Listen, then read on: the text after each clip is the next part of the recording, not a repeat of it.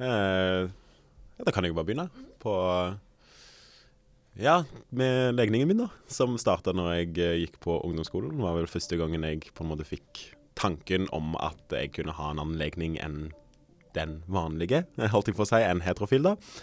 Um, og det var i tiende klasse, men jeg vokste jo opp på et veldig lite sted eh, hvor homo ble brukt som et skjellsord, og det hørte du jo daglig at homo ble liksom brukt mot hverandre som et stygt ord.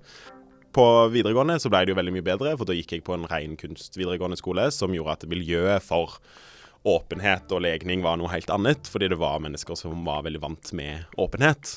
Eh, hvor jeg hadde ei venninne som først kom ut som bifil til meg, og da fikk jeg sånn Oi, shit. Eh, det er jo kanskje jeg òg. Eh, og det var liksom første gangen jeg realiserte at det, det òg kunne være en annen legning og kunne akseptere det med meg sjøl. Og da, i løpet av første og videregående, så ble, kom jeg faktisk ut da, som homofil etter hvert. Eh, men det som var tingen var at vi, vi, vokste jo opp på et veldig lite sted fremdeles. Selv om vi hadde denne flotte, store videregående skolen og alt sånne ting, så var det veldig lite. Som gjorde at eh, det med å være homofil var eh, en ting som ingen egentlig visste noe om. Det var ingen som visste hva det betydde, det var ingen som visste hva man gjorde med det. så veldig fort så ble det en veldig stor del av min identitet, det å være homofil. Eh, og det kom liksom kommentarer som 'Å ja, det er morsomt fordi at du er homofil', og du sier det fordi du er homofil, og du gjør det fordi du er homofil. Ikke sant? Ble, alt ble definert pga. legningen som jeg hadde bare funnet ut av at jeg hadde, som jeg ikke egentlig kunne gjøre noe med. Og da gå gjennom hele den prosessen med liksom for det eneste folk kjente til, var jo den amerikanske stereotypen. Som var liksom Å, du er flink på shopping, du kan sminke, du kan uh, ditt og datt, ikke sant. Og liksom Å, du må være med på BH-shopping. Og jeg tenkte jo jeg skal jo ikke ha en BH i nærheten av meg noen gang, for jeg skal jo være sammen med en mann. Uh, så jeg, det er ikke noe jeg har et forhold til. Så jeg forstår ikke hvordan jeg kan være med og, og være med på det, da. Fordi at det, det er ikke en del av mitt liv. Jeg kommer ikke til å være det. Men uh, så skal du liksom hooke seg opp med andre homofile, fordi at det er så lite miljø. ikke sant? Så folk skal liksom finne ut 'Å, du hadde perfekt den og den fyren'. Og så skal jo alle være bestevenner, da. Selv om du aldri har møtt personen, ikke sant. Som jeg hadde en gang i Fredrikstad, hvor det var noen som bare sa 'Kan vi være bestevenner på byen?' Jeg bare 'Jeg har aldri møtt deg før. Jeg forstår ikke hvordan jeg bare skal bli bestevenner'. og det, det traff veldig mye sånne ting, da, som på en måte gjør hele den stereotypen ganske stor. Uh, og det traff meg veldig personlig, fordi at jeg kjente på det at jamen, hvorfor skal det bety så mye? Hvorfor skal legningen min bety så mye av min identitet? Det gjorde til at jeg måtte finne ut ganske personlig sjøl hva betyr legningen for meg. Um, og selvsagt så hadde jeg jo de periodene hvor jeg skulle ønske jeg ikke var homofil. Eh, fordi det ble så overveldende at det betydde så mye at liksom Jeg skulle jo ønske at jeg ikke var det. Det største problemet jeg hadde med å komme ut, var jo meg sjøl. Det var at jeg hadde ikke lyst til å være den ene forskjellige. Jeg hadde ikke lyst til å være annerledes. Og når jeg endelig fant ut at det er OK å være annerledes, så ble jeg så annerledes at jeg mista meg sjøl i den annerledesheten. Um, og da måtte, ble jeg ja, påtvungen til å på en finne ut av OK, men hva betyr det? Å være annerledes? Hva betyr det å ha denne legningen? Hva, men hva betyr det for meg å ha denne legningen? Det er bare noe som er, eksisterer i meg, som er Det eneste som på en måte er forskjellig, er at jeg tenker på menn istedenfor kvinner. Det er det eneste. Det er, det er, ingenting annet i kroppen min som definerer meg på noen annen måte. Det er den eneste lille forskjellen i hodet mitt. Og hvorfor betyr det så mye?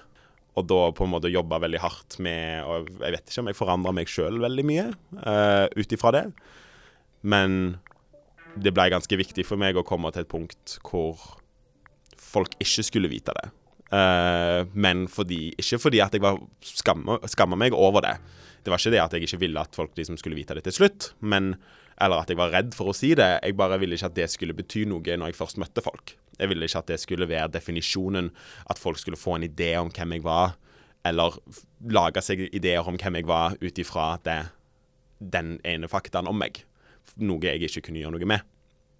Så for meg så ble det veldig mye viktigere å bare ja, eh, gå litt imot de stereotypiene, fordi at jeg er motkjemper for stereotypier. Fordi at det, det finnes så mye mer i individet enn det enn det en stereotypi lager, da, som jeg mener kan være ganske farlig.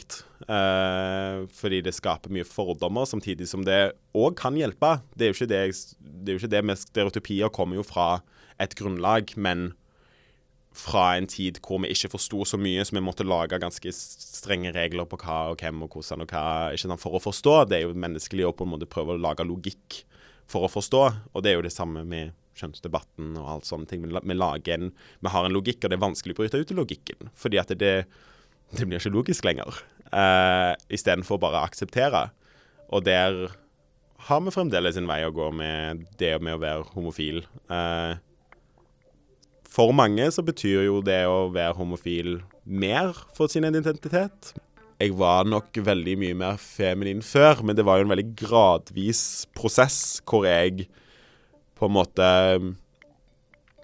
utforska meg sjøl på en litt annen måte. Og på en måte fordi at jeg hadde en veldig utagerende klesstil. Jeg hadde veldig, det var veldig der, ikke sant. Det var jo happy-go-lucky pride med når jeg først kom ut. Og det var liksom Jeg var jo det motsatte av en goth. Jeg var jo klovn, med, med, tanke på klesstil.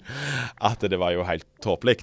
Men Og det høres egentlig veldig feil ut med det å liksom skape en ny identitet, skape en ny liksom, hverdag, skape Liksom bli en ny person. Det høres ganske feil ut, det skjønner jeg, men det var jeg tror det var en ganske sunn utvikling allikevel, fordi at det det er det som nå i senere tid har skapt den personen jeg er nå. Fordi at det var, det var en reise jeg sjøl måtte gjennom. Å finne ut av hvem er jeg, og hvem har jeg lyst til å være, og hvem vil jeg at folk skal se.